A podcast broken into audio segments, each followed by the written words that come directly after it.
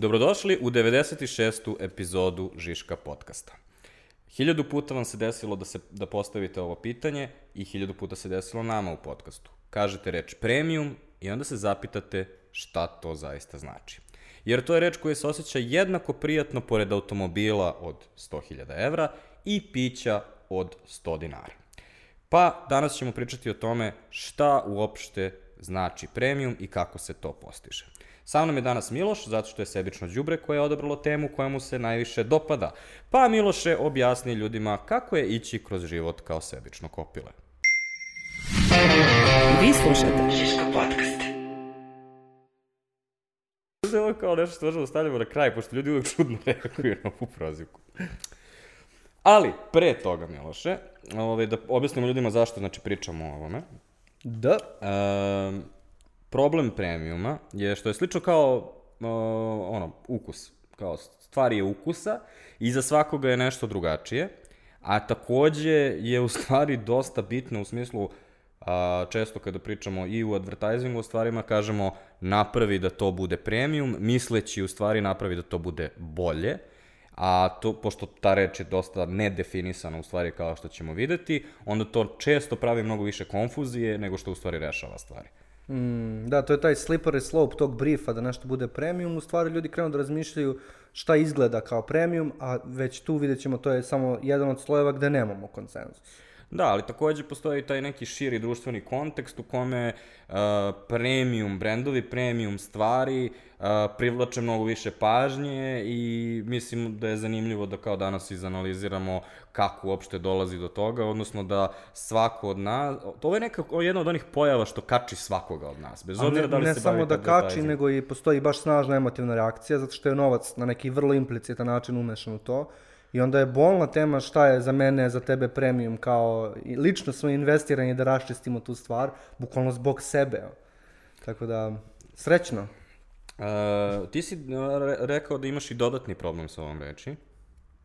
A to je da, pošto ako postoji premium, onda mora da postoji neka bazična verzija. Pa da, to je... A onda je pro, otvaraš problema, dobro, a šta je onda basic? Mm. Ono što me najviše zbunilo uh, u pripremi ovog podcasta je što, čitao sam naravno na, na tvom LinkedInu odgovore ljudi, i bilo mi je čudno zato što ljudi ne, ne pominje niko stvar koja je meni prva asocijacija na premium, a to su digitalne usluge, digitalni servisi, u smislu imaš Spotify premium, YouTube premium i tako dalje, a što mi je to bitno? Jer tu mi je baš jasno. Kao, znači mi to jer tu mi je baš jasno, imam osnovnu verziju, znači imat ću ads, premium verziju neću imati ads, kao umirujuće je jasno šta znači premium i samo tu, razumeš, nigde drugo.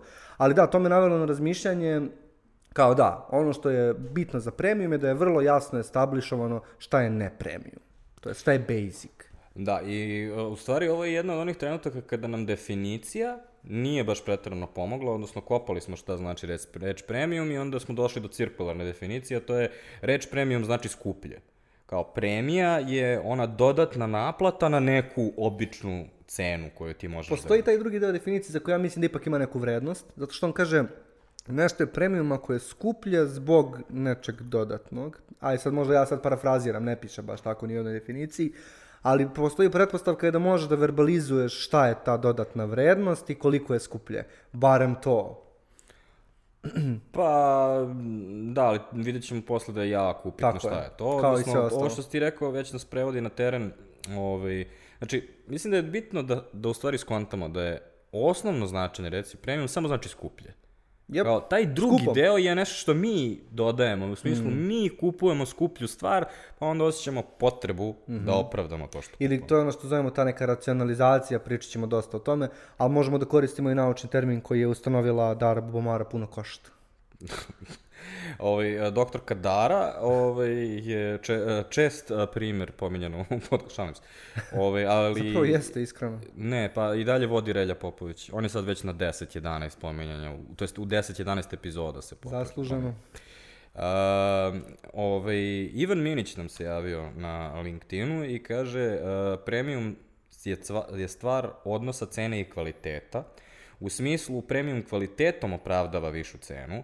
Premium je i Nike, i Adidas, i Asics, i Saucony. Nikad čuo za tu marku, ti Pa znaš? patike, Aha. uh, mislim, ne izgovara se tako, ali sa, Sakoni, to je stvar neka francuska reč, nisi siguran kako se izgovara, Bože nije me bitno. sačuvaj i sakoni. ne, doći ćemo i do nepapirija, pa ćemo se tu tek ono, kao slomiti. Uglavnom da, e, mislim da ta definicija koju Ivan naveo kao klasičan ovaj, vozač Škode, odnos cena i kvalitet mora da bude u njegovoj definiciji. Šalom na stranu, mislim da je problematičan, zato što je kvalitet tek, znači ako pričamo o premiumu kao nečemu što je magl- zamagljeno značenje, onda kod kvaliteta tek upadamo u pakao. I ja sam stvarno Gorane probao u stilu naše pripreme, između ostalog da izgooglam neke unive, ono, profes, kako se kaže, profesorske iz naučnih tekstova objašnjenja kvaliteta, pakao je. Znači, zato što je naj, najrelativizujuća stvar koju si pročitao u životu. Znači, sigurno nije samo kvalitet, to je moja poenta. A, mislim, imat ćemo kao klasično ono celo poglavlje o kvalitetu, Mhm. jedan deo diskusije, tako da ovaj, ostavit ćemo za sada Mhm, ovo, ali kao, mislim da Ivanova poenta jeste tačno da mnogo ljudi ovako percipira šta je premium. Jest. Ili bi barem ovako opisalo. Ovaj, ali recimo odličan primjer za to je u stvari dao Dušan Isakov, ovaj, moj kolega sa, sa faksa. Izvini, znaš kako ljudi kažu? Sa Insert brand, na primjer, sa Mercedesom, ti kupuješ kvalitet. Jel to Otprilike, fraza kao koju ljudi otprilike, koriste? Da. Ovaj, ali onda je dao kao primjer Rolexa Mhm. i kaže Rolex je danas luksuzni brand, uh, međutim veći deo svog postojanja je bio premium brand, jer Rolex je u stvari počeo kao brand za ronioce. Kao funkcionalne određene Da, da, imao je, ono, kao mogu si da roniš sa njim mnogo više nego s bilo kojim Super drugim je što je naveo to kao primjer da se ta stvar menja kroz vreme tako što je za brand sata. Kako napraviš koliko to meta ono.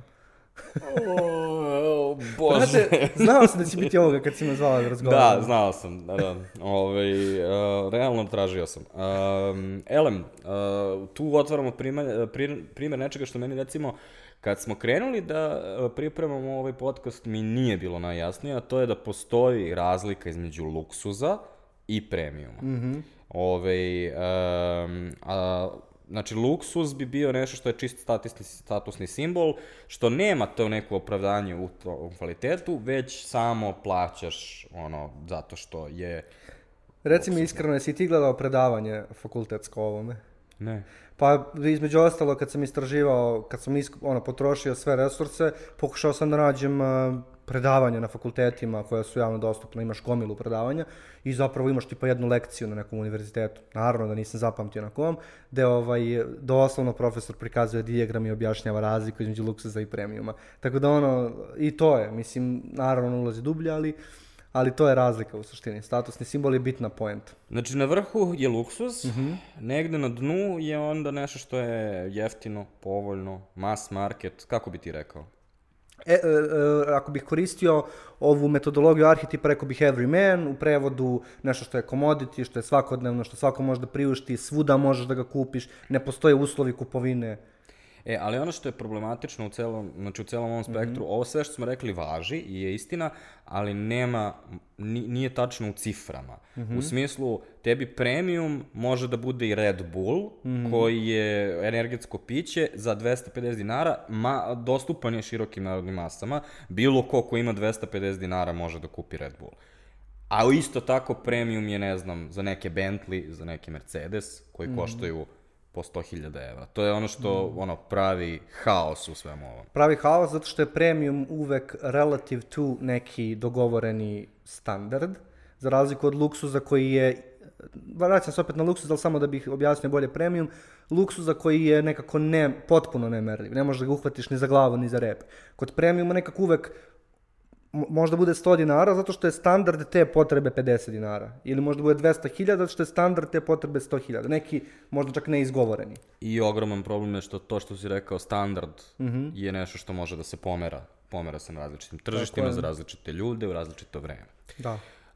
Um, znaš šta mi je bilo zanimljivo kao razlika između premiuma i luksuza? To je recimo tržište voda. Aha. A, I dosta ljudi kada smo tražili premium brand a, se setilo Eviana pa se pa se dosta njih i ispravilo kao to je u stvari luksuzan brand. Evian, Jer, da. kao, ja ne znam, ali Evian ima neki kvalitetan benefit, to jest ono nešto što ga Ja izdvaja. moram da vam iskren ne znam. Mo verovatno. Ali recimo, zato su oni meni luksuzni brand zbog toga što ja samo znam to kao skupu vodu, ne znam ništa drugo. Njima možda postoji. Fiji, Evian, da. Ali Pellegrino. recimo Smart Water, Aha. koji je nedavno lansiran u Srbiji, Nikada ga ne bih označio kao luksuz, ne. A on I je je bio upravo dosta ta skuplji od, od ono, klasične vode, ali da li znaš šta je bio benefit smart A znam, water? igrom slučaja da je funkcionalni, da postoji neko opravdanje racionalno da je ta voda po svom sastavu, je li tako? To je Pomozi voda mi. koja je destilovana i onda su u nju ubačeni svi minerali koji, su, koji bi trebalo da ima jedna Sajons, voda. Tako da, sajons. da, naučno inženjerisana voda, recimo. Mhm. To, zvuči, to baš zvuči kao premium, ali ne luksuz. Zašto je previše pametno za luksuz? A kako je onda pobegla iz boce ako je toliko pamet... Jel, baš to smo dobijali stalno, stalno kad smo radili tebe. Znam. Elem, uh, ovaj, jedno bitno pitanje koje se poteglo prilikom ekskluzivnost, uh, prilikom luksuza i uh, premiuma, jeste da li su premium brendovi ekskluzivni.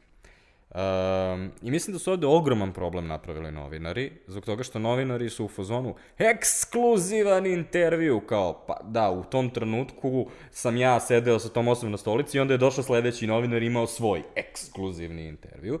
Tako da, ono, u, u novin, ono, mislim da u kao širokom, ono, u generalno ljudi ne percipiraju ekskluzivnost kao da je zaista ekskluzivnost. U smislu, reč ekskluzivnost znači da neki ljudi su isključeni od kupovine tog proizvoda. Tako je, na različite načine. Na-. Reč u stvari nije obojena uopšte u svojoj osnovi, ona nije obojena nikakvom konotacijom. Ne znači ništa ekskluzivno, ni pozitivno, ni negativno. Ekskluzivno samo znači da ne mogu svi, zbog neke objektivne prepreke ili neke možda malo subjektivnije, ne mogu svi nešto. I to je to. To je sve što znači. Ali u svakodnevnom govoru ekskluzivno znači, to je bukvalno ekskluzivno jednako premium, skupo, ne znam ni ja šta. Poželjno. Po, poželjno, mnogo, definitivno. mnogo ljudi želi, a malo može. Da. Tražila se karta više, tako reći. Ovaj, I onda imamo brendove kao što je Supreme. Aha. Uh, Supreme koji namerno ograničava broj uh, artikala koje proizvodi da bi kreirao ono, nestašicu toga Mhm. i onda zbog toga uh, Supreme stvari koštaju jako puno. Ili recimo Pandan Tomet je o, monopol na dijamante koje je imao De Beers uh, dugo vremena, gde ono, ti uzmeš sve dijamante kod sebe i onda samo daš manji broj dijamanata da ide na tržište. Tako je. Jednom kada, uh, jednom kada shvatiš šta mentalno ljudima radi ekskluzivnost, to je čin- činjenica da do nečega nije lako doći i ne mogu svi, možeš da manipulišeš tim, pa da odlučiš koliko će tvoj brend... Možeš da jako otežaš proces naručivanja, recimo. A, čak neki savjetuju da e, bi trebalo i u samom, u samom e, liniji proizvoda bi trebalo da um, smanjiš izbor ljudima. Aha. Odnosno, primjer za to je iPhone. Svi znaju šta je iPhone, čim vidiš iPhone znaš koliko košta. Uh, I onda su recimo ljudi napravili pandan sa Apple Watchom. Dobro. Ovaj, zato što Apple Watch može da košta od 300 evra do 17.000 evra u zavisnosti od toga koje džinđuve staviš na njega. Da. Um, I onda, kao problem sa Apple Watchom je kao Apple Watch se kao ne kotira kao toliko premium mm, ili toliko luksuzan, mada, opet sa druge strane, jednu stvar koju jesu dobro uradili, a to je ne postoji način da promašiš kada vidiš nekoga da ima Apple Watch, kao tačno znaš da je to Apple Watch. Distinktivnog je oblika, da. Veoma distinktivna oblik. Um, I kontra, koji, kontra problem koji se tu javlja jeste u tome što kao s jedne strane definitivno ekskluzivno će ti pomoći da opravdaš premium, ali sa druge strane postoji nešto što je Daniel nam se javio, Daniel Vukičević, uh, mastiž. Koristi se taj izraz mnogo češće nego što sam ja znao. Stvarno? Da. Hmm. Ove, uh, elem, kvalitet i masovnost, uh, kvalitet premiuma, ali masovnost uh, mass marketa. Znači, uh, primer za to koji sam ja ovaj, uhvatio bi recimo bio Heineken koji je kao premium pivo i dalje svako može da ga kupi, ali uh, se smatra premiumom. To je kao nek, mislim da ne previše, da ne mistifikujemo previše, to je nešto između. Ove, na onoj skali koju si malo pronacrtao, znači basic proizvod koji svako može da ima, pa je ovde premium, pa onda taj mas, mastig, mastige, mislim da je to u stvari od mass i prestige, jel tako? Kova, Da. ovaj, em, uglavnom da, znači to je onako kao marketinška, jedna moguća marketinška strategija. Mislim da sam negde našao da se pominje neki kostkovo, neka kostkova vina, što je kao zanimljivo, jer kao Costco Da. je supermarket za koji je masovna upotreba, onda oni imaju neka svoja vina koja su ipak malo promišljenija i pametnija, pa su i malo skuplja. E, mislim da su e, store brandovi, Mhm. odnosno te no name e, koji se prodaju u e, određenim retailerima samo. E, jako zanimljiv case za ovo. I recimo ti u Maxiju možeš da kupiš Deleuze stvar, kao Da. Store brand, ili da kupiš premium, koja zvuči kao naslov ove, ovog podcasta, a u stvari je jeftin brand i koristi se za podkusurivanje, ako se sećaš, Twitteraši su imali tu foru kao tipa pada kiša za, ovaj, u maju i kao neko napiše kako je ovo premija proleće. Aha, aha. Ovaj- kao za siromašne. Da. Ove, elem, um, ka, jako je zanimljivo kako ti u stvari imaš store brand koji bi trebalo da bude manjeg kvaliteta, to jest, pardon, ne manjeg kvaliteta, nego da bude jeftiniji, ali zbog toga što ti vežeš veliki internacionalni lanac iz Belgije, za to ti tome dižeš kvalitet, tako da je to premium, premium store brand. Znači, praktično oksimoron, kao, i premium je i jeftino je, i, u isto vreme. Meni bukvalno ovo sve zvuči kao da je veoma ima Pritom- veze sa... Dijon Senf od premiuma koji ja koristim je bukvalno najbolji primer za ovo, a, zbog toga što ja bukvalno ne znam koliko to košta, ali to je najbolji senf koji sam u životu probao. Pa verovatno košta malo više od običnog senfa, ali dalje pristupačno da možeš da kupiš. Ono što te da kažem, sve vreme dok pričam o ovome mi u glavi jedan neverovatan, jedna neverovatna pozicija na kojoj mislim da se u sveste domaćih potrošača nalazi Lidl danas. Zato što je Lidl u isto vreme, upravo ovo što si ti rekao, na neki čudan način simbol svakog čoveka i, i jeste, on uspeva da bude simbol svakog čoveka, ali ima nešto cool, blago, egzotično i kinda prestižno kad nađeš u Lidlu neki proizvod koji je kao možda iz neke specijalne edicije i tako dalje. Tako da to, to, to Lidl je zanimljivo za Lidl. kroz mnogo naših poenti ovaj, posle, a, tako da sasvim se slažem. Ok, Ove, ali ono što bih htjela sad da pričam je o problemu ekskluzivnosti. A, na primjeru Superdraja i na Pajpirija, ako sam ovo izgovorio kako ne, treba. sigurno nisi, nema veze. Zašto svaka osoba trenutno, a inače a, imamo jednog kolegu iz ove firme pored, a, i kao, ono, sta, stoji čovjek i puši a, ispred kancelarije ovaj, kad ja dolazim u kanc, i on ima neku zelenu super dry majicu. Aha. A, pritom, ono, čovjek je malo stariji, znači niđe veze, bukvalno je uzeo bilo koju zelenu majicu, ali on je to bilo koju zelenu majicu sigurno morao da plati tri puta skuplje nego identičnu super dry zelenu majicu koja ništa, ono, ko piše na njoj samo nešto. Pa zavisi, možda je kupio na putovanju u Beču za 10 evra, jer to je isto moguće.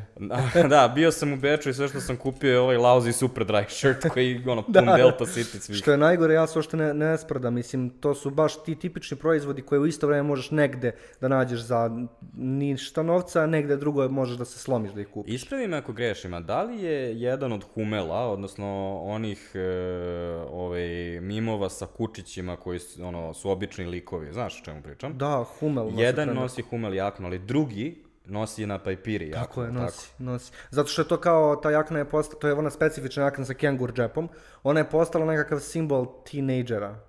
Ali Nije samo tinejdžera, ali tinejdžerima je jako aspi- aspirativna, znači da imaš brendiranu stvar. da, zato što je skuplja od obične, Skuplje je, da. ali malo. u isto vreme svi je imaju. I recimo trenutno, ja sam, ja sam ovaj, nešto sam išao po shopping mallovima, bukvalno ja više ne znam da li postoji radnja u kojoj možeš da uđeš da ne možeš da vidiš super dry majicu. Znači svugde da sam ušao kao ima deo sa super dry. Zato što Super Drive već par godina, dovoljno dugo je ta stvar postoji, da je već i izašla iz nekog, ajde recimo, mislim da više nije toliko relevantna kao što je bila pre dve, tri godine, četiri, a, a toliko je obrnula pun krug da je ušla u sve outlete, sve multi-brand storove, jer kada nemaš preferencije, Super Drive zvuči, iako ne znaš ništa o brendu, zvuči kao dobra majica. Nije ob... dobra, ne, možeš u grad da je obučeš. E, to sam, to sam u stvari hteo da te pitam, kao, šta je tvoje tumačenje, zašto se to desilo? Zašto svi nose na Pajpiri i super dry? Verovatno u jednom trenutku je postojalo ovo čemu ti pričaš, što je ekskluzivnost. U jednom trenutku mogao si možda da kupiš samo u brand store-u, bila je neobično skupa za ono što dobiješ, sve to je pomoglo da se skreira Bila je taj i neki vibe. distinktivna. Ra, mislim da Jest. ranije, ranije si mogao da prepoznaš super dry majicu i po materijalu i po bojama koje su uvijek bile malo nešto ono... Art, usulude. style, ispisi, tipografija, oni imaju, vrlo je promišljen taj brand, to ćemo pričati kasnije, detalji, ali taj brand, nije ta majica loša, ona ima, ona uspostavlja određeni stil, ali A, problem mislim je... da trenutno je toliko postalo mass market da zaista se utopilo. To je pun krug, da. To je nešto, nešto što se desi. Neka, neka stvar je u jednom trenutku jedno, u drugom trenutku drugo i ljudi konstantno primaju te, taj šum od informacija i zato imaju razgovore tipa a brate, ovaj lik seljak došao u Super Dry majici, to je prošle godine bilo cool. Baš tako i nastaju te stvari. Neko nije dobio memo, razumeš? Da, to je, to je ogroman problem i za, recimo, ono, kad bilo šta pričamo, u našem podcastu je što sve, ono, i premium i sve ove kategorije su podložne evoluciji i ono što je sada bilo, sledeće godine neće biti. Mm. Ali, e, zamišljam, ovaj, ne znam da li si e, provalio, postoji taj TikTok trend sada, um, gde ljudi um, stavljaju najluđe moguće pantalone, recimo, ali ono, pantalone koje su napravljene od kevlara, od HTZ materijala, koje možeš da zapališ, koje možeš ono da vučeš, uh, lu, ono, vučeš ih iza automobila, bukvalno, po zemlji one se neće pocepati, imaju hiljadu onih džepova koje ono, možeš da staviš gomilu gluposti. I u fazonu sam, ako bi ikada postalo nešto što je ta definicija premiuma, to su te vrste pantalona ili kao te opreme koje ono ne može da se podere, a to u stvari nikad nije ono što bismo smatrali premium. Pa to je isto kao da kad bismo rekli da je Catov telefon premium. Znaš da, da Cat ima svoje telefone. da. Kao, eto, odgovor na to pitanje. Nije. Mislim, nije toliko jednostavno. Ove, ovaj, slažem se, ali e, najrelativniji od svih pojmova ovde bi bio kvalitet praktično, ali tako? Pa da, zato što kvalitet kaže da neka stvar e, e, je dobra u tome da ispoštuje neke kriterijume koje smo uspostavili kao važne. to je kvalitet, po definiciji. Znači, bukvalno ono, ništa. Ne znači ništa. Uh, sa jedne strane da, sa druge strane uh, mislim da ljudi intuitivno vole da objektivizuju kvalitet, kao da kvalitet je ono, on ima 38 kvaliteta i stoga je bolji od ovoga koji ima 15 kvaliteta. Pa, rad, i uspevaju. Mislim, ti sad uzmeš, ne znam, evo, uradit ću malu vežbu, ne znam, uzmeš mobilni telefon pa kažeš baterija proverano traje i posle dve godine drži ceo dan. Ekran se ne grebe jer je Gorilla Glass treće generacije. Može da podnese udar taj, može tu dubinu. Znači imaš ti tu neke alate, možeš ti da ustanoviš neke kriterijume kvalitete da to ne bude ono u magli.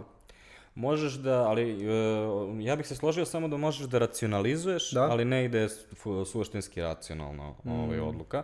I najveći primer za to mi je Mercedes. Mm -hmm. ovaj, uh, Ivanov primer Mercedesa uh, sa LinkedIna, on je dao kao Mercedes Aha. i Audi kao primer. Uh, I meni je to, uh, recimo, mečka kod nas je uh, M Nemac, M je generalno skuplji auto od onoga što se ovde vozilo godinama, M, imamo Titov kompleks, on je vozio Mercedesa, M, ono, kada dođu u Gastosi iz Nemačku, moraju da voze Mečku. Znači, postoji mnogo kulturalnih uticaja zašto mi smatramo Mercedes da je dobar auto. Mm -hmm. I sad, pored toga, to i jeste ono, objektivno, verovatno jeste dobar auto. Međutim, kao ono što se ja iznadio kad sam gledao Top Gear, pošto ono, odgledao sam sve epizode ikada, um, je da je Mercedes bio njima auto za podkusurivanje, odnosno auto koji se često kvari, koji ima loš servis i koji nije generalno dobro, ono, dovoljno dobro napravljen. Kada pogledaš u, za njih u UK-u, Uh, ono, njima su premium brendovi Jaguar i Bentley, koji su ipak ono jednu stepenicu negde iznad tamo Mercedesa. Njihov da. standard je viši, pa logično da su im i, i ove očekivanja su im ono, daleko veća, ali čak i na samom brendu Mercedes ti imaš intervencije i onda je Sandra Simonović je dodala AMG i Brabus kao primere, ne, ne, znači kao ti sad imaš AMG i Brabus su a, dodavanje sportskih e, dodataka na klasičan Mercedes da bi namunji, ono, buđenje automobila. Mm -hmm. I sad ono staviš mu veće kočice, stav, spustiš mu, staviš mu ono čvršće vešanje i tako dalje.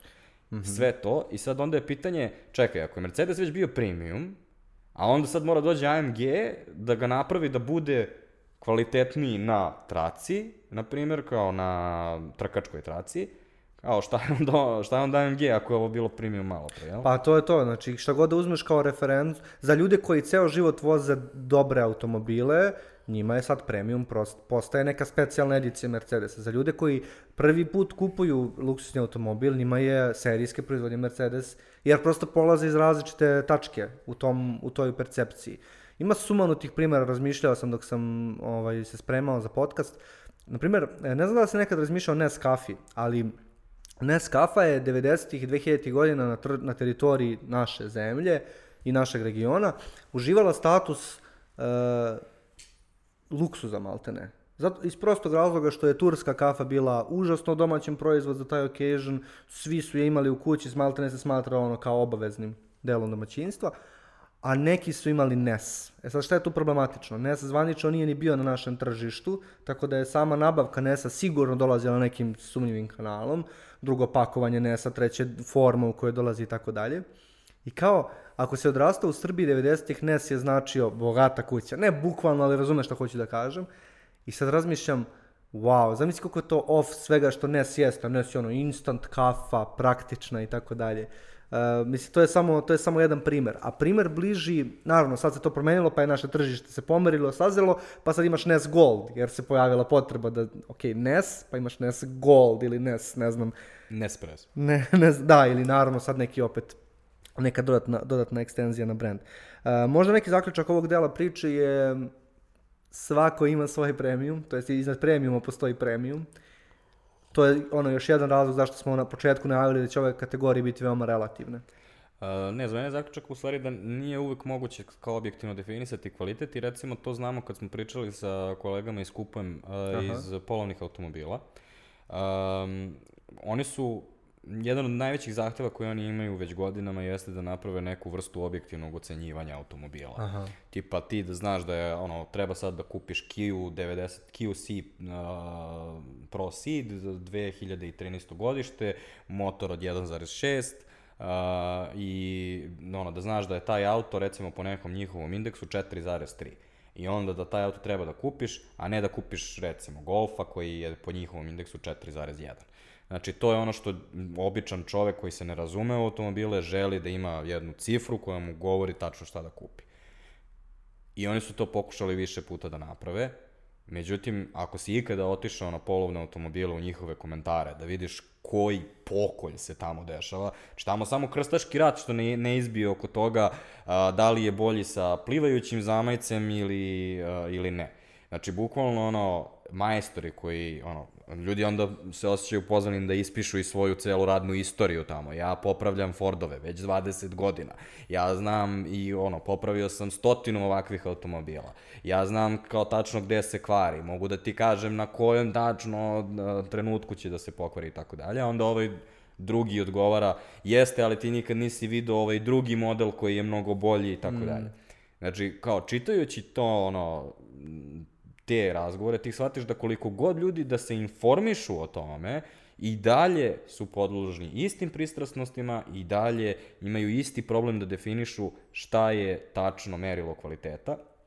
Odnosno, ako si ikad pričao sa majstorom, znaš ono kao stvari koje su tebi bitne, kako su, ono, majstorima nikad, ono, totalno nebitne, a ono, majstor te pita tipa, kako ovo nikad nisi otvorio, ti si u fazonu, tebra, ne znam ni šta je to, mm. što, na što upravo pokazuješ. Odnosno, svaki razgovor koji ja imam sa svojim ocem, na primjer. Tako je. A, I čak i da mi definišemo kvalitet, mi bismo ignorisali jednu baš bitnu stvar, a to je sve što znamo o ekonomskom ponašanju ljudi, to jest o ponašanju ljudi u ekonomskim interakcijama, je da ljudi se ponašaju iracionalno. Tako da svaki taj pokušaj da se to sveda na neku ne, ne, ono, neoborivu uh, kockastu raspravu o performansu ne znam čemu je na neki način absurdan, zato što ljudi to ne izgovore, ali u stvari misle, a brate, ne sviđa mi se kako mu izgleda onaj zadnji deo. Ne svi, ne, ili nešto, ili jednom sam video taj auto u udesu i ostalo mi ružno sećanje. Baš banalizujem, ali činjenica je da toliko je kompleksno kako mi posmatramo bilo koju stvar, da bojim se da nećemo ovo rešiti na, kvalitet, na teritoriji kvaliteta. Ako nije kvalitet, uh, šta je onda? Kao, ozbiljno me to pitaš. Pa, zato što si ti u stvari uveo praktično ceo ovaj deo koji ćemo sad pričati. Na koji deo misliš? Zato što ne želim da Premium uđem- je samo priča. Da. Um, ja, naravno, mislim, ovo je sad veliki disclaimer treba napraviti. Naravno da neko ko se bavi komunikacijama, će bilo koji rasprava dovede na teritoriju priče i da kaže najbitnije je kako mi pričamo o tome. Najbitnije u ovom razgovoru su legende, priče o postanku, prepričivost tih uh, ovaj, karakteristika, um, po, pominje se to sa zašto nešto, čulnost i tako dalje. Uh, suština priče je sledeća. Mm, vlasnici većine uh, predmeta kojima mi raspravljamo kao premium su uh, kompanije. Kompanije mogu da manipulišu percepcijom, što je kao ceo naš posao, u smislu da odlučuju na koji način žele sa određenim proizvodom da nas- nastupe na određenom tržištu. I to rade tako što pričaju, serviraju, reinforsuju, dele, inspirišu kon- konkretne priče o proizvodu. Te priče funkcionišu kao priče i nemaju obavezu da budu, one moraju da zvuče uverljivo, ali nemaju obavezu da budu nužno cela istina, da budu naučno dokazane i tako da, jer to, jer to nije način na koji priče funkcionišu, je tako? I ovdje ulazimo u beskonačno polje relativizacija, što je moj a, teren. da. Ove, naoružajte se dobro i uh, krenimo u tamu. Um, a daj primer priča. Imaš par dobrih Pa primera. primer je uvek, um, tu priču ti uvek, da bi zaista uživao u tome, mora ti ispriča neki veliki ljubitelj brenda. Zato što će on da ti je ispriča, ne znam, ti možda i znaš tu priču, ali ne znaš je tako detaljno. I onda ti dođe i kaže ti, znaš ti što mehurići u Guinnessu idu na taj specifičan način? Ili jel znaš ti što se ovo sipa pod uglom od... I onda ti ispriča, Ne, znaš šta je mene dobilo? Pošto sam ja išao u, na, na tu. Aha. turu, Ove, mene je dobilo da tu točilica za Guinness mora da ima dva položaja. Aha. Točilicu za Guinness možeš ka sebi i možeš od sebe da, pa ne želim da ti točiš. rušim to, ali sve točilice konvencionalno imaju to. Nisam Danas. si, ne, nisam siguran da li se razlikuju settingsi onda, A, pošto pa je je moguće. poenta da kao on toči sa ugljen dioksidom kada si ka sebi, a bez ugljen dioksida kad ideš od sebe. Nisam siguran da li to tako Ne mogu da tvrdim. Znam samo da često viđam barmene ovaj, da, da rade taj potez unazad. Nema veze. E, uh, pa ne, mislim da je kao, no, moguće. U svakom slučaju, uh, kao ovdje ima dva različita settinga i poenta je u tome da, uh, da ti on uh, servira Guinness znači do tri četvrtine Aha. i onda pusti da odstoji minut i tek onda ubaci dodatno pivo bez ugljen dioksida. I ja sam Zvuči kao priča. Da, da, da, da! Kao, a u fazonu kao, da. ok, Ali jednom u selu nisu pivo. imali hmelja i onda je iz uprotnog sela doneo je, ječam, jedan monah. Jer razumeš što ću da kažem? Ono, Postoji uh, fenomenalna reklama koja radi baš ovo što ti kažeš, uh, za Johnny Walker. Mhm. A to je i ovaj, mislim da takođe je odličan, um, odličan primjer kako se prave premium komunikacije, a to je onaj ško, jedan škotski glumac, zaboravio sam kako se zove, koji ima one take, znači bez secanja, četiri minuta hoda. Niz jedan puteljak Niz onako. puteljak ono u nekim ono, brdima škotskim i priča priču o tome kako je Da. nastao Johnny Walker. za, a- pamtim celu tu priču, a što je dobra priča. I onda kako je nastao prvi i onda on susreće praktično na svom putu rekvizitu iz kada dođe ovaj prvi put pošalje sanduk na brod, onda pored njega ima sanduk i tako dalje. Mislim, to je I sve se prelepo. Mm. to dešava kao ono, tačno gde treba. A slušaj ovo, je znaš ti kad je Marlboro uh, ranije, 80-ih, 70-ih, nas- uh, odlučivao da nastupi na nekom tržištu da se ranije Marlboro nije prodavao. I onda oni pošalju tim ljudi, jako iskusnih ljudi koji se jako dobro razumeju u ukuse, som- to su neki sommelieri, taste masteri. I onda oni dođu u grad i žive u tom gradu godinu dana. Jedu lokalnu kuhinju, piju lokalna pića, upoznaju lokalne ljude, slušaju lokalne priče. I tek onda s tim znanjem se oni vrate u Malboro i dizajniraju ukus Malbora samo za tu državu.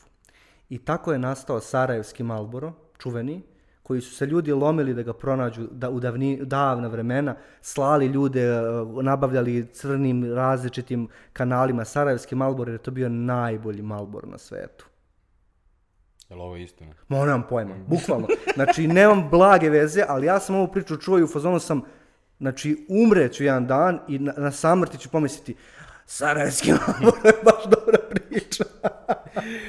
nemam pojma da li je istina i ne želim da znam, nemoj da mi ga kažeš nikad. Ako, sa, ono, ako saznam, neću ti reći. Um, pored priča, uh, posvećenost detaljima je dosta bitna. U, da, to je meni baš važno. Ove, I ajde sad ispričaj ljudima kako je otpakivati iPhone. Na, nama powerima koji Ma to je ušlo u jezike. Znaš ti, Gorane, da ljudi kada e, kače oglas za polovni ili nov iPhone, postoji jedan izraz koji, koji dokazuje da je nov, piše vakum. Mm. Zato što je kad ga otvoriš desit će se ta stvar. A nisam siguran koliko je to iPhone, pošto Ne znam, ja bih rekao da. da. i moji Androidi koje sam otpakivao godinama... Sad svi telefoni, da. to je ono što se desilo sad telefonima kao celoj kategoriji. Sad svi telefoni imaju tu stvar, ali nekada Otpakivanje iPhone je tebi, na primjer iPhone-a, i sad znam da zvuči kao najveći dužbeg, ali to je primjer koji im pada na pamet, otpakivanje na iPhone je stvarno specifična aktivnost. U smislu, sv, prvo toliko je ta kutija usko zatvorena da, da je teško otvoriti pa su bili čak oni mimovi ljudima su ispadali iPhone-i. Mislim, objektivno je teško, možda ti ispadne, brate. Pa je unutra sve napakovano savršeno, pa kablić ima papirni, papirni ovaj jedan zatvarač koji ga drži sklopljenog, ali, se, ali ima malu ušicu koju kad povučeš, on se prelepo rastvori i pusti kabel napolje. To sve mor, ne mora, ali to sve čini da kada ti otpakuješ iPhone, tvoj mozak sve vreme govori, aha, zbog ovoga sam ja platio ovo. Ovoliko, aha, zbog ovoga je ovako, aha, pa nisam ja lud, ovo zaslužuje tu cenu. Ovaj, detalji su sve i ono što često, po, po, ovaj, što često previđam u tome, detalji su vizualna stvar, stvar mirisa, stvar dodira, stvar um, teksture i tako sada da ne, da ne gnjavim s tim ono. Znaš da se najviše vidi e, to u animacijama? Uh, recimo kada neko radi uh, jeftinu animaciju, mm -hmm. uh, tačno možeš da vidiš da ono, neki detalji nisu ispoštovani. Recimo postoji uh, lik na TikToku koji radi uh, challenge da pokušava da nađe ljude sa Fivera da mu za veoma male pare Da, da, da, završe to je neke stvari. čuveni, aha. I uh, sad sam vidio poslednji projekat mu je bio za naočare. I mm -hmm. On je napravio za svoje neke ono, kineske naočare koje dropshipuje tu animaciju za 1300 eura, tako nešto. I ti, ono, to neobrazovanom oku um, mislim da može da deluje kao da je ono high-end animacija tipa kao što kada ono, veliki proizvođači mobilnih telefona lansiraju. Međutim, ono što je problem sa tim stvarima je što mislim da ni ne moraš da budeš kao marketar ili da znaš ono puno animaciji, da bi ti video da tu nešto neštima. Aha. Kao, blizu je to, ali ne, ne kreće se to baš, fizika nije baš kako valja, um, ono, presijava se nekako previše, se trudi, mm. kao baš ono, ono, kako kažu amerikanci, ono, close but no cigar. Odlično. I kontra primjer za to mi je, uh, Igor Pavlović me podsjetio na uh, Bang Olufsen, uh, koji su, ono, ja ne znam ni š, da li su oni dobre slušalice i zvučnici. Zvuk je takva kategorija, niko da. nema da objasni ništa. Znači, ono, ja sam čovjek antisluhista, mene su sa časa muzičkog u četvrtom razredu još isterali i rekli nemoj ni da se vraćaš. Međutim, meni je taj brand, ono, ja kad bi dobio nešto što je Bang Olufsen, išao, ono, išao bi malo, ono, vi, malo bi bio viši taj dan, znaš. Mm. Ove, zbog toga što, ono, sve što oni rade mora da bude i vrhunski dizajnirano i pored toga kao mora da ima vrhunski mm. zvuk. I najveći primer za to mi je u stvari nji, njihovi videi koje one stalno pave, koje sam ja morao da istražujem zato što neki moj dalji rođak radi u Danskoj za, Aha, aha. za to. Ove, I onda sam kao ove, gledao šta on radi u stvari. I kada slušaš njih kao, jako je čudno, kao sve, ono, nema puno naracije, kao kad kažemo priča, kao sa početka, problem je u tome što ljudi odmah pomisle ono, baš na ove stvari kojima smo pričali, kao priče koje možeš da ispričaš, ali nisu priče jedine koje možeš da ispričaš te verbalne, narativne. Mm -hmm. Postoji način i kroz art direkciju da ispričaš priču, postoji vizuelno kako možeš da ispričaš priču i to je recimo Bang Olufsen je odličan u tome, u smislu uh, ne znam šta se desilo, ali sam shvatio da su slušalice fucking odlične i takođe jedna od stvari je niko ne priča o njihovim uh, reklamama ono dugo, uh, ali jako puno ima zvuka.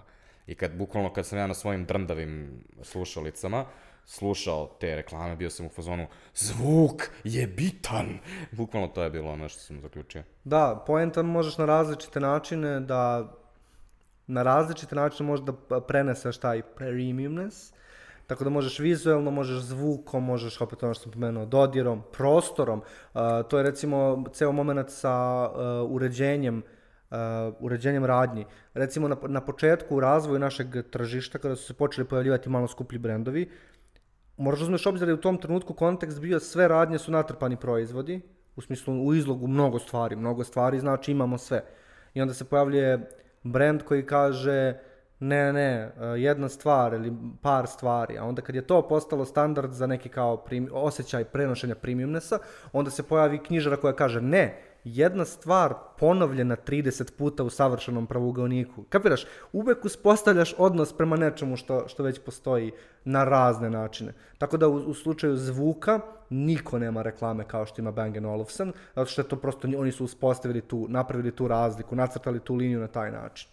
Ali čulnost je generalno dosta mm. bitna u premiumu u smislu Uh, mora, svaki, svako čulo mora da bude, svak, mm. detalji koji su bitni svakom čulu moraju da budu ispoštovani, recimo težina je tu dosta bitna. Aha. Uh, ako je nešto previše lako u odnosu na ono što očekujemo, onda nam je čudno. I Osim recimo, ako je ram bicikle, ali u većini slučajeva daljinski... Da, daljinci, u daljince mm. se moraju stavljati tegovi danas, Aha. zbog toga što bilo šta što ti je potrebno za daljinac više nije toliko teško koliko smo mi navikli, ali ako držimo suviše lag daljinac, mi mislimo da nije kvalitetan i mm -hmm. možete da googlate kako izgledaju tegovi uh, za daljince, zaista je presmešno.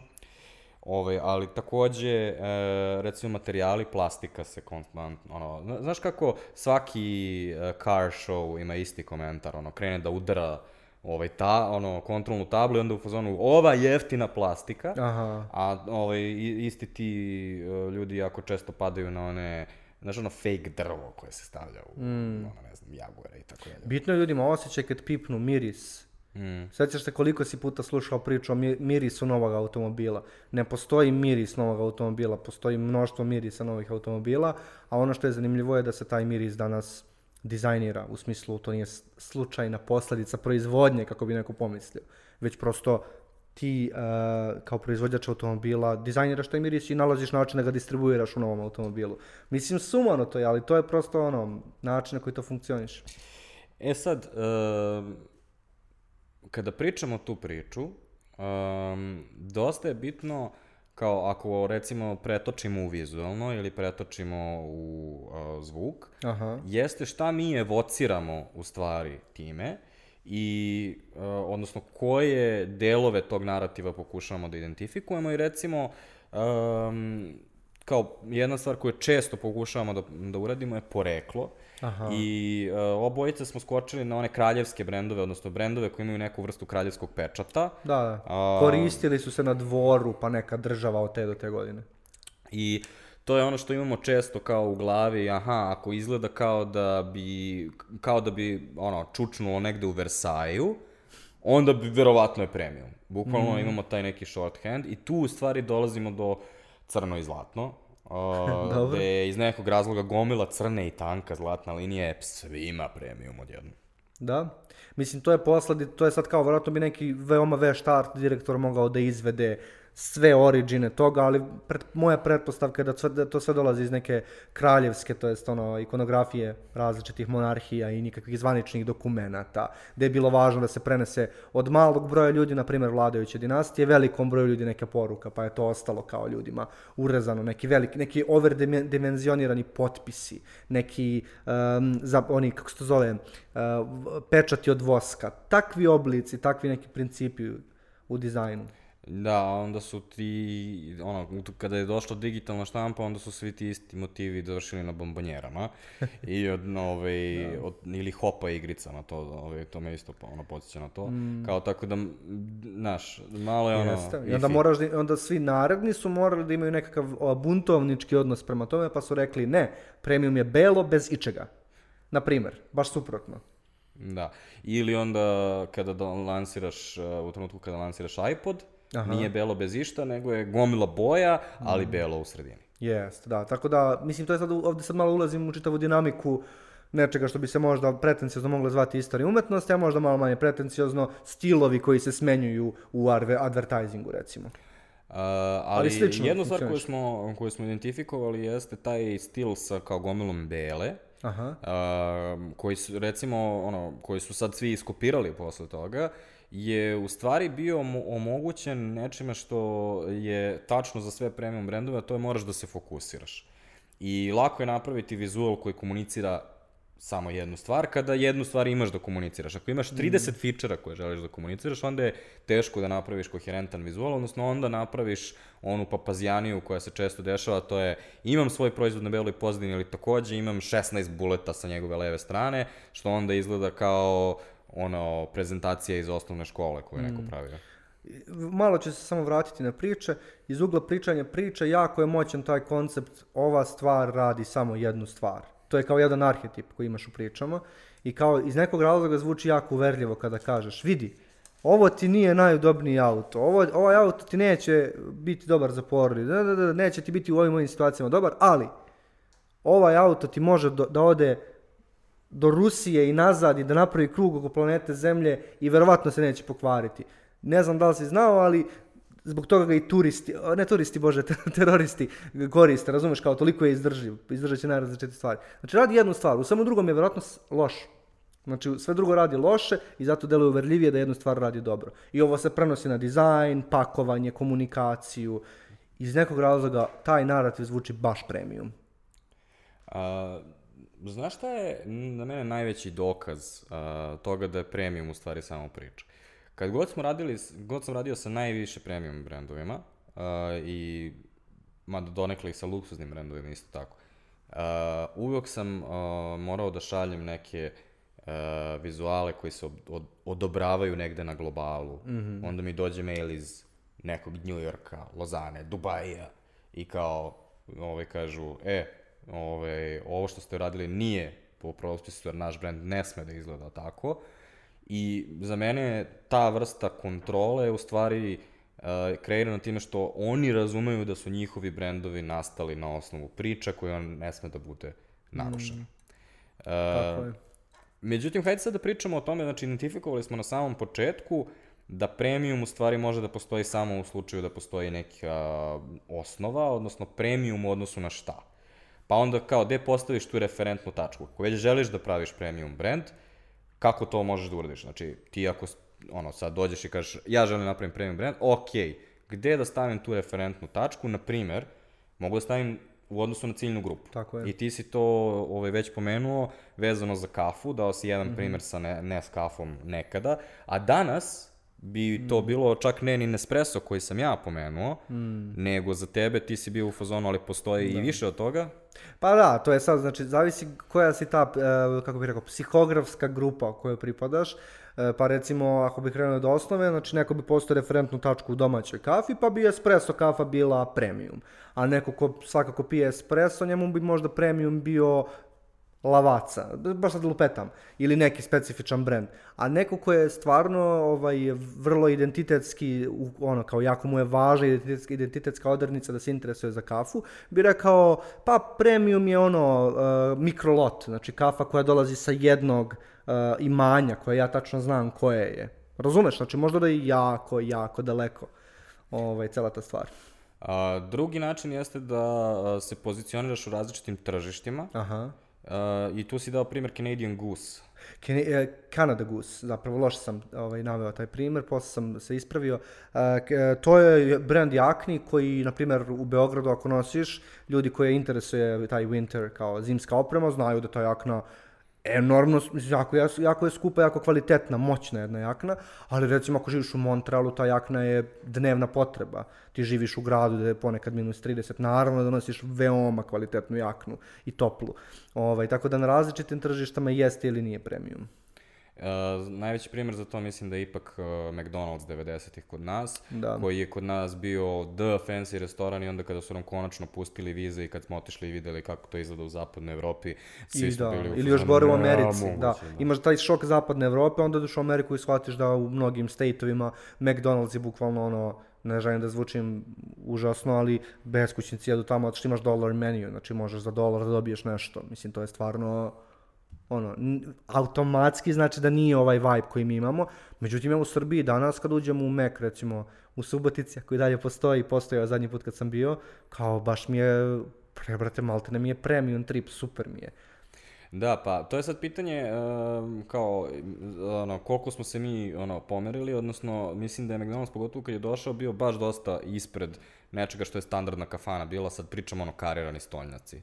Na taj, Pa dobro, taj došao vibe. je kao šok na ceo naš, na ceo naš kulturološki kontekst. Mi smo, ti moraš da uzmeš u obzir i to da je McDonald's na neki način simbol kapitalizma u tom trenutku. Mi smo socijalistička država dugo bili i tako. Mislim, ta, egzot, ta egzotičnost nije za, za, za zanemariti. Ne sad pričam samo o, o, na nivou materijala Aha. koji se koriste U, unutar, da, uh, da, da. unutar restorana i onda mi odmah po, ono, pada mi na pamet recimo Lorenzo i ka... Kakalamba. Kakalamba, hvala. Aha. Ovaj, koji je kao totalno suprotno, kao to je premium restoran na kojem imaš gomilu gluposti koje te napadaju sa svih strana, a ono, McDonald's je ono, u fazonu uh, ukusna kombinacija nekog drveta i nečega što je kao fake mermer i tako dalje. I mene sad je palo na pamet a, s, a, jedna distinkcija u tim predavanjima koje sam gledao, koja je meni bila, nisi siguran šta mislim o tome, ali koriste jedan model trougla, tip neki, neki taj profesor, koristi model trougla i onda na, šta je na polovima, to jest na tačkama. A, premium, premium luxury, to smo, tu distinkciju smo postavili, ali pominje i nešto što se zove lifestyle, nećeš verovati, kao da je deo tog modela.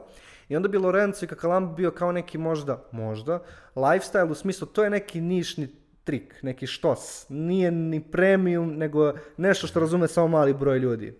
Možda nije idealan primer za to, ali složit ćeš se da onako malo zvuči off. A, ali recimo, uh, drugi primjer za to bi bio Desigual, koji, kao, zato što mi je kontra onoga što kao smatramo da je premium, recimo, samo ono, čist deo vizual, a onda dođeš u Desigual i napadnete kao hiljadu boja i kao tako dalje, ali opet kada pogledaš u odnosu na šta, oni se kao referiraju na tržište gde su recimo Springfield i ono, takve stvari gde su kao normalne majice. kao. Običnjačke, da, da, razumem. Pa uvek u odnosu na nešto, to je, to je cela caka. Znači ne postoji jedan model, pa kao sad mi utvrdimo sigurno premium, znači čak i u kontekstu mode neke srednje, znači na primer svedenost. Ma jok, uvek imaš barem 3-4 brenda koji odu u neki samo providne plastične stvari u, u, u crvenoj boji, razumeš mislim.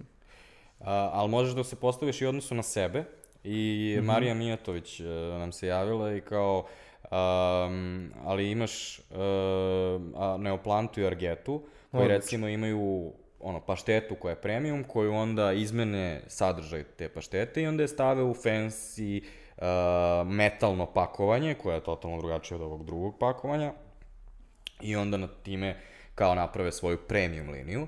A Nenad Perčević nas je, nam je dao uh, isto jedan domaći primjer, a to je vinjak XO. Aha. Ja znaš šta je vinjak XO? Pa to je skuplja verzija vinjaka koja je odležala duže. Odležaro u buretu i sad fora je u tome, ne, ono, da li znaš kako izgleda? Pa i ne, ne. Vinjak XO u stvari izgleda kao konjak. Aha. Znači, bukvalno je u totalno drugačijoj flaši izgleda kao konjak. Znači i zamišljam neku flašu koja je teška na dnu, a gore laka. Tako je, da, da, da. bravo. E, ali fora je u tome to nije konjak.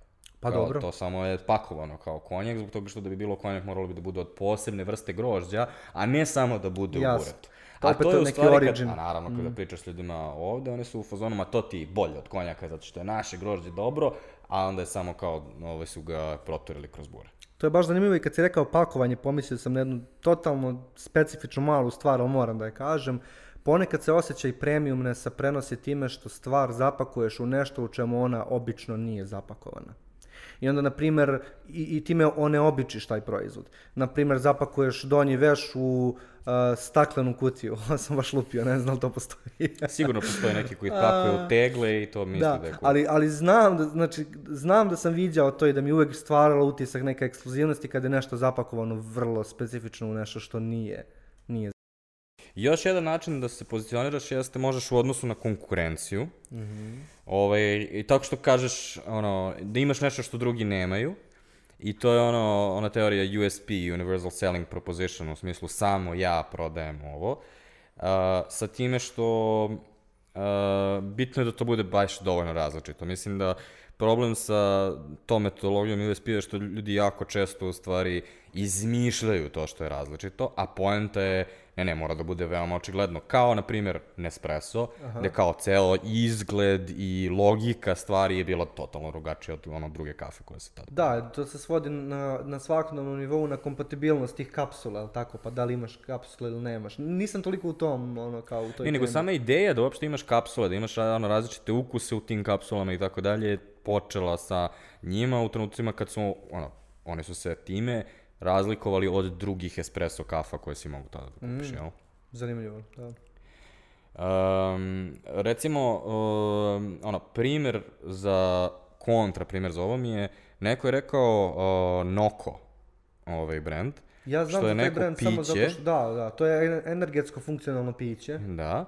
I trebalo bi da ima neku funkciju, mislim da ima BCA kiseline ili tako nešto. Jeste i kofein. Međutim, I nema šećer, izvini. pošto nije ispoštovalo sve ove druge stvari, e, nekako, ja sam pretpostavio da ono košta 60 dinara. I onda mi je neko rekao da je 250, ja sam pozorao, Da, ja sam ga u glavi pozicionirao kao booster, jer mi je A. vizualno ličio kind ne, Superstar ili nešto tako, postoji nešto tako slično. taj neki ono kao ceo, cela ta teritorija. I onda sam počeo da viđem na nekoliko podcasta je pomenut kao primer dobrog lansiranja proizvoda na tržište, premium proizvoda. Čak mislim da sam gledao i podcast s tim momkom koji je distributer zvanični Mhm. Noko i bio sam u fazonu something's off, ali onda sam shvatio da ja uopšte nisam ciljna A grupa. ovo je problem, nismo ciljna grupa, jel? Da, da. To je piće koje je baš snažno pozicionirano uh, spram uh, vežbača, crossfitera i tako dalje. A, okej. tako da možda je tu, možda tu leži caka. Znači, ovaj, u suštini u pokušaju da dokažem pravilo 4, uh, prekršio sam pravilo 1.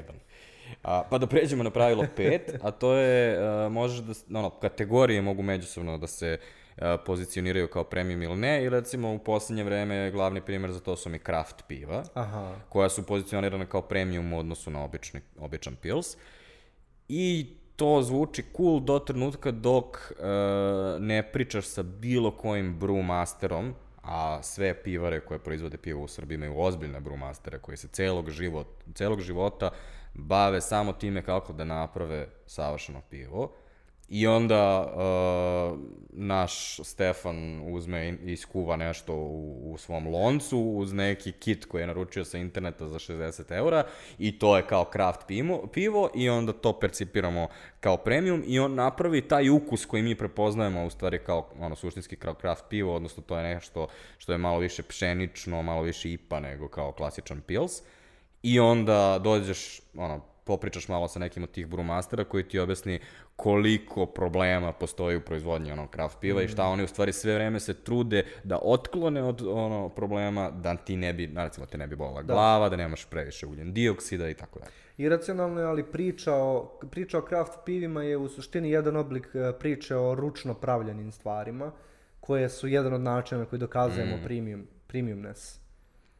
Um, Sandra Babić uh, nam je uh, potetila nas je, na primjer, Aikosa, jer Aikos kada je lansiran je postavljen kao premium proizvod u odnosu na obične cigarete. I um, to je kao ceo, ceo taj, uh, znaš za kako izgleda ceo proces kupovine toga. Ti kupiš jednom, pa onda imaš doživotnu garanciju, pa možeš da zameniš, pa onda ti praktično postoješ subscription umesto da imaš E, real, da, realnost je sada već malo postojala inicijalne a, lansiranje i inicijalna nekakva politika prodaje, pa je to sad malo korigovano, ali da, ostaje taj neki utisak subskripcije, veoma pro, profesionalne brige o potrošačima. Činjenica je, odneseš im slomljen ajkos i oni ti daju novi ajkos. Ne postave ti previše pitanja, to stvarno zvuči premium.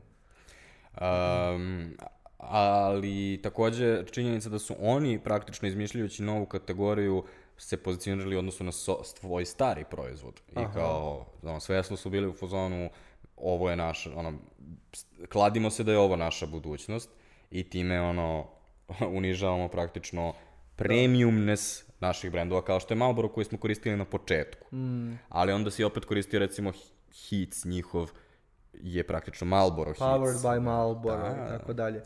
E, Čudna kombinacija svega i svačega i neko bi rekao hrabar potez, ali ja mislim da je to potez očajnika, ne mislim ništa loše o toj kompaniji, nego prosto ti kada snimiš svoje tržište, snimiš sve globalne trendove, shvatiš da moraš da uradiš nešto drastično i onda shvatiš da moraš da menjaš kategoriju i tako dalje.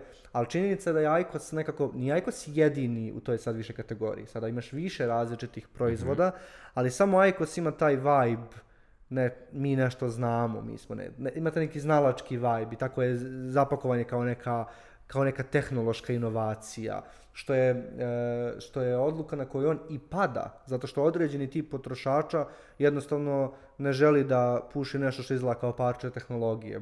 Pre bi e, prihvatili priču o nečemu što izgleda drveno, ručno pravljeno i tako dalje, ali oni su se vjerojatno svesno opredelili za ovaj, za ovu ja direkciju. mislim kada bi ga napravio da bude drven, da bi izgledalo kao... Muštikla. kao muštikla od deda. dobro, to sam lupio. Hoću da kažem, nije moralo izgledati toliko high tech. To je možda moja poenta. A opet pitanje je da li si i tu ciljna grupa. Mhm. E, zbog toga što mislim da bismo mi možda bili e, više inclined da uzmemo nešto što je totalno suludo, kao kako se zove onaj u Americi što je popularan, što izgleda baš kao USB sti- stick.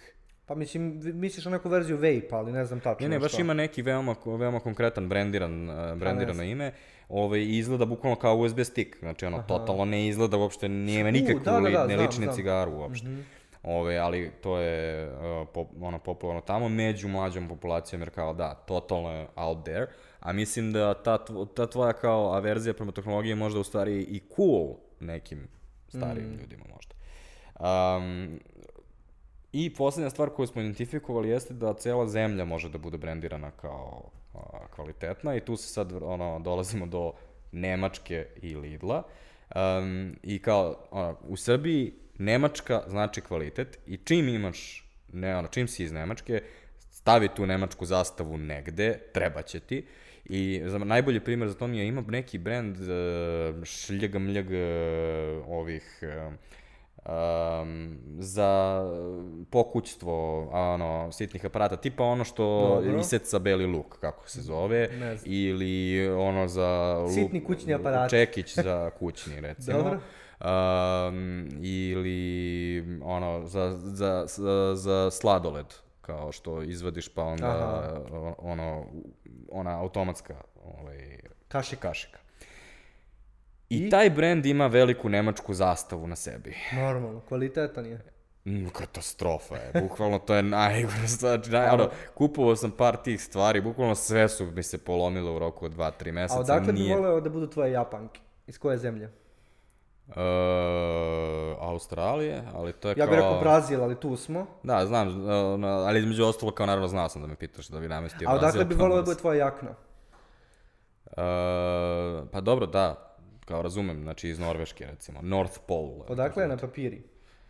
Pa valjda iz Norveške ili kao Pa Danske ili tako, ne, ne kao od onih, ne, ne, ne ono, ja ih... Italijanski je brend, ali to nikad neće reći. A. ali- Mislim, neće označiti nigde, ali da, koriste, u- uzor za logo im je zastava neke severne zemlje, da se ne izblamiram. Uh, ne znam da li se sećaš, uh, ovaj, uh, pošto, uh, da se vratim među automobile, Aha. postojala je uh, kampanja na koja je išlo, ja mislim, dve, tri godine ovde, kada je Opel pokušavao da forsira to što je nemački auto. Da, I, I onda je bu, bukvalno je ono, desila se kognitivna disonanca u glavama mnogih uh, muškaraca u tom trenutku i kao, bukvalno su ih podsjetili kao, da, znate, mi smo isto nemački auto. Svi su bili u fazonu, ne, ne, Opel nije nemački auto. Da. Kao, ne, ne, stvarno, kao, proizvodimo zbog nemački, kao, ali vi niste nemački auto, kao, znači što, kao, ti nisi ono Mercedes udarili su najsvetije. Da. Na kraju su odgovorili, vi, ok, vi ste najgori nemački auto. Ove, ali opet tu se vraćamo znači, na, na primjer Lidla koji ima taj čudan ono, uh, nemački kvalitet, a onda sada ima i ovu kampanju ono, srpski proizvodi. Tenzično je, znači moraš razne stvari da zadovoljiš na tržištu. Ne radiš samo jednu stvar, jel da? A pogotovo je tenzično zato što, kad, znači da se vratimo na ono, uh, nešto što smo pomenuli par puta u ovom podcastu, a to je sve ove stvari koje smo sada pričali, znači svih šest, a to je ono, za koju ciljnu grupu, uh, u odnosu na koje tržište, uh, kako izgleda tvoja, tvoj, tvoja linija proizvoda, kako izgleda tvoja konkurencija, kako izgleda tvoja kategorija i iz koje zemlje dolaziš, sve te percepcije evoluiraju. Tako I onda, ono, ne, ono, e, Nemačka može da bude e, u, e, recimo, to je, ljudi često za Mađarsku to u stvari e, govore, kao Mađarska u 50-ima je bila ona zemlja gde je ono, Bog zaboravio, a onda su sad ono, odjednom kvali, ono, kvalitetne stvari, kvalitetna hrana dolazi odande, na primjer. Ove, Znaš kako sve- se isto menja, a nismo pomenuli? Uh, iskustveno. Znači ti e, jedan brand koji ti je bio premium do probanja može lako postati ne premium nakon Mm. probanja. Znači, čak i na individualnom nivou veoma relativna kategorija. Znaš šta mi je naj, najbolji primer za to? Jel se sjećaš kako u Mad Menu pričaju da je Heineken Premium zato što je jedino pivo koje je u zelenoj boci, a to je toga stavlja kao da je strano pivo, a onda zato što je strano, onda je malo egzotično i onda objašnjavaju kao kako će ga zato pozicionirati kao premium pivo. Mm, Sećaš se Da, zato što je to specifičan trenutak na tom tržištu, u tom trenutku istorijskom. Da, sećam se. E, da li se sećaš perioda kada su naša piva sva bila u brown bocama, pa je Čilibar. onda... Boja će Libra, da? Da. Pa je onda Lav izašao sa zelenom bocom, koja je bila pokušaj da se pre, po, da se premesti ka premiumu. Jer su neka svi strana piva za koja smo znali bila te boje. I druga stvar koja se tu dešava jeste e, ergonomska boca. Aha. ergonomija je jedno vreme bila e, trend u, u dizajniru, dizajniranju pakovanja inače i imamo u onoj knjizi Decoded, a, postoji to, ono, primjer za to im je neko nemačko pivo, zaboravio se sad kako se zove, koje je imalo grlić koji je bilo u obliku heksagona, kao matica bukvalno izgledao i onda, pošto je to bio pandan jelen, ono, za muškarce pivo u Nemačkoj, onda je poenta bila, pa naravno da izgleda kao alat kada ga uvatiš, to je pivo, a, i onda kao to signalizira da je to mačo pivo. E sad, e, druga stvar je bila da ti, samo kompanije koje su mogle da u, investiraju dovoljno u takvu vrstu flaše su mogle da se izdvoje, što znači ti si morao ipak da imaš ono određeni kapital da bi mogu da uložiš u takvu flašu i onda su i Jelen i Lav napravili te ergonomske flaše i to je razlog zašto na Lavove flaši trenutno imaš ono žito i hmelj, Aha. a na Jelenovo imaš malog jelena i ispisano je jelen. Uh, Cijelo tržište se pomerilo, ali tako? Ono, pomerilo jeste, do trenutka dok Zaječarsko. Došlo je Zaječarsko koje se stavilo u staru, onu klasičnu ćilibarsku bocu i time je evociralo u stvari Jeste, ali nostalgiju. postoji sad, to je period, znači oni imali su našta da Ovo, evociraju. ovo, je sve što, vreme. ovo, ova cela priča je 15 godina. Da, da, da, to je bitno da se razume. A, ali kao tokom tih 15 godina, znači dešava se sve ono, sve ovo se dešava paralelno Mm. ovaj, zajedno i sad poenta je u tome samo u nekom trenutku i sad recimo onda i Zaječarsko u jednom trenutku a, ono, prestaje ta veza a, sa nostalgijom i sada um, ti ono, više nostalgije može da izvuče neki, neki kraft u nekom onom, ili recimo čak su i oni sad lansirali ono 0.33 u kojoj ima ono drugo unuče, ono skraćeno sa... Još veća, ovaj, još Da. veći callback. Um, Na kraju ćemo pivo kupovati u onim uh, kožuhona i razumeš kao što su nosili u vreme Turaka otprilike. je moguće, da. Ove, mislim da to sigurno već postoji, bar za rakiju. Sigurno. Um, ali u suštini osnovni mehanizam je uvek isti, a to je e, ovaj, svi, sve stvari ko- koje mi koristimo komuniciraju nešto o nama. A, prvenstveno komuniciraju status. Um, ako ljudi koji imaju visok status a, primete, znači, a, ovo je ona priča iz Malcolma Gladwella a, Tipping Point, Aha. a, kada objašnjava kako o, postaju popularna imena.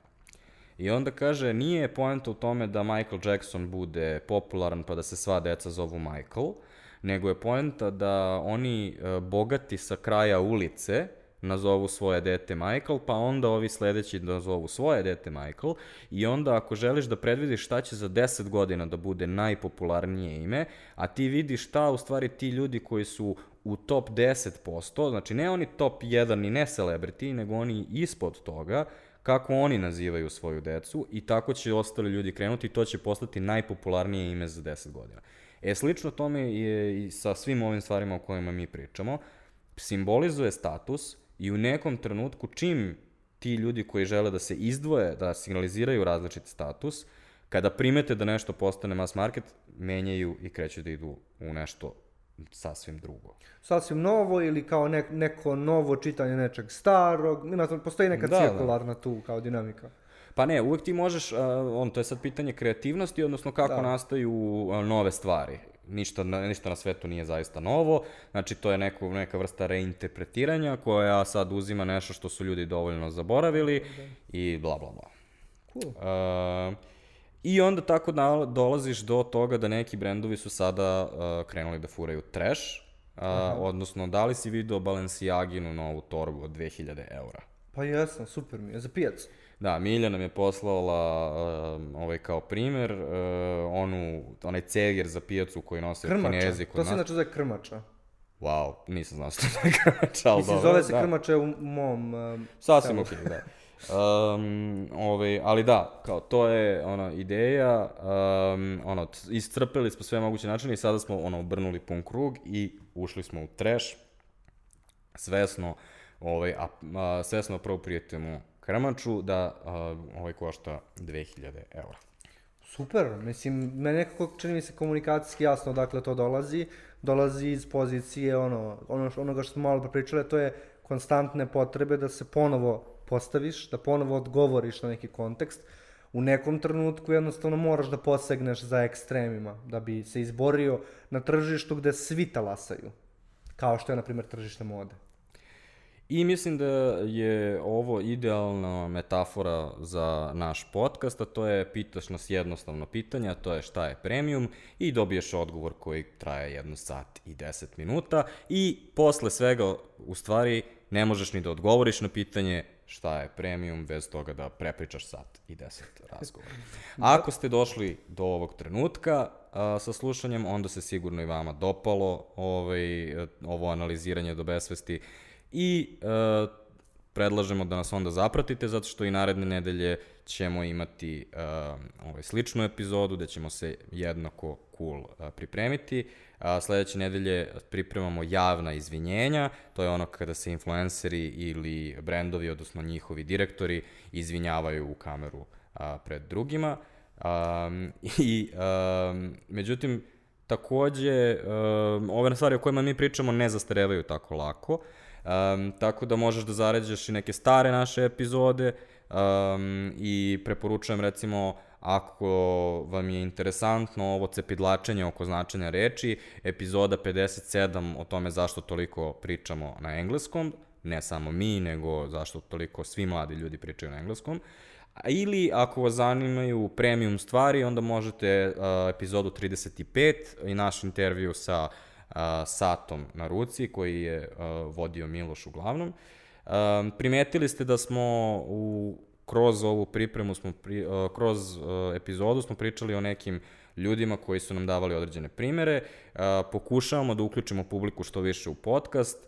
A, zahvaljujemo Mirku Bunčiću, Jeleni Vik, Viktorović Ivanović, Višnji Filipović, Ivanu Miniću, Mariji Mijatović, Ani Danilović, Branki Kremenović, Jovani Perković, Goran Risteski, Marku Stefanoviću, Sandri Simonović, Aleksandru Veljoviću, Danilu Vukičeviću, Dušanu Isakovu, Danilu Miloševiću, Nenadu Parčeviću, Anji Škrbi, Sandri Babić, Jovici Obradović, Ću, Igoru Pavloviću, Igoru Petrovskom, i uh, hvala svima njima što ste bili naši intelektualni patreoni. Ako želite da se priključite u pripreme ovog podcasta, zapratite mene na LinkedInu ili ti nam pišite u YouTube komentarima dodatne primere uh, ili uh, predloge za teme i do sledećeg slušanja. Pozdrav! Vi slušate Žiško podcast.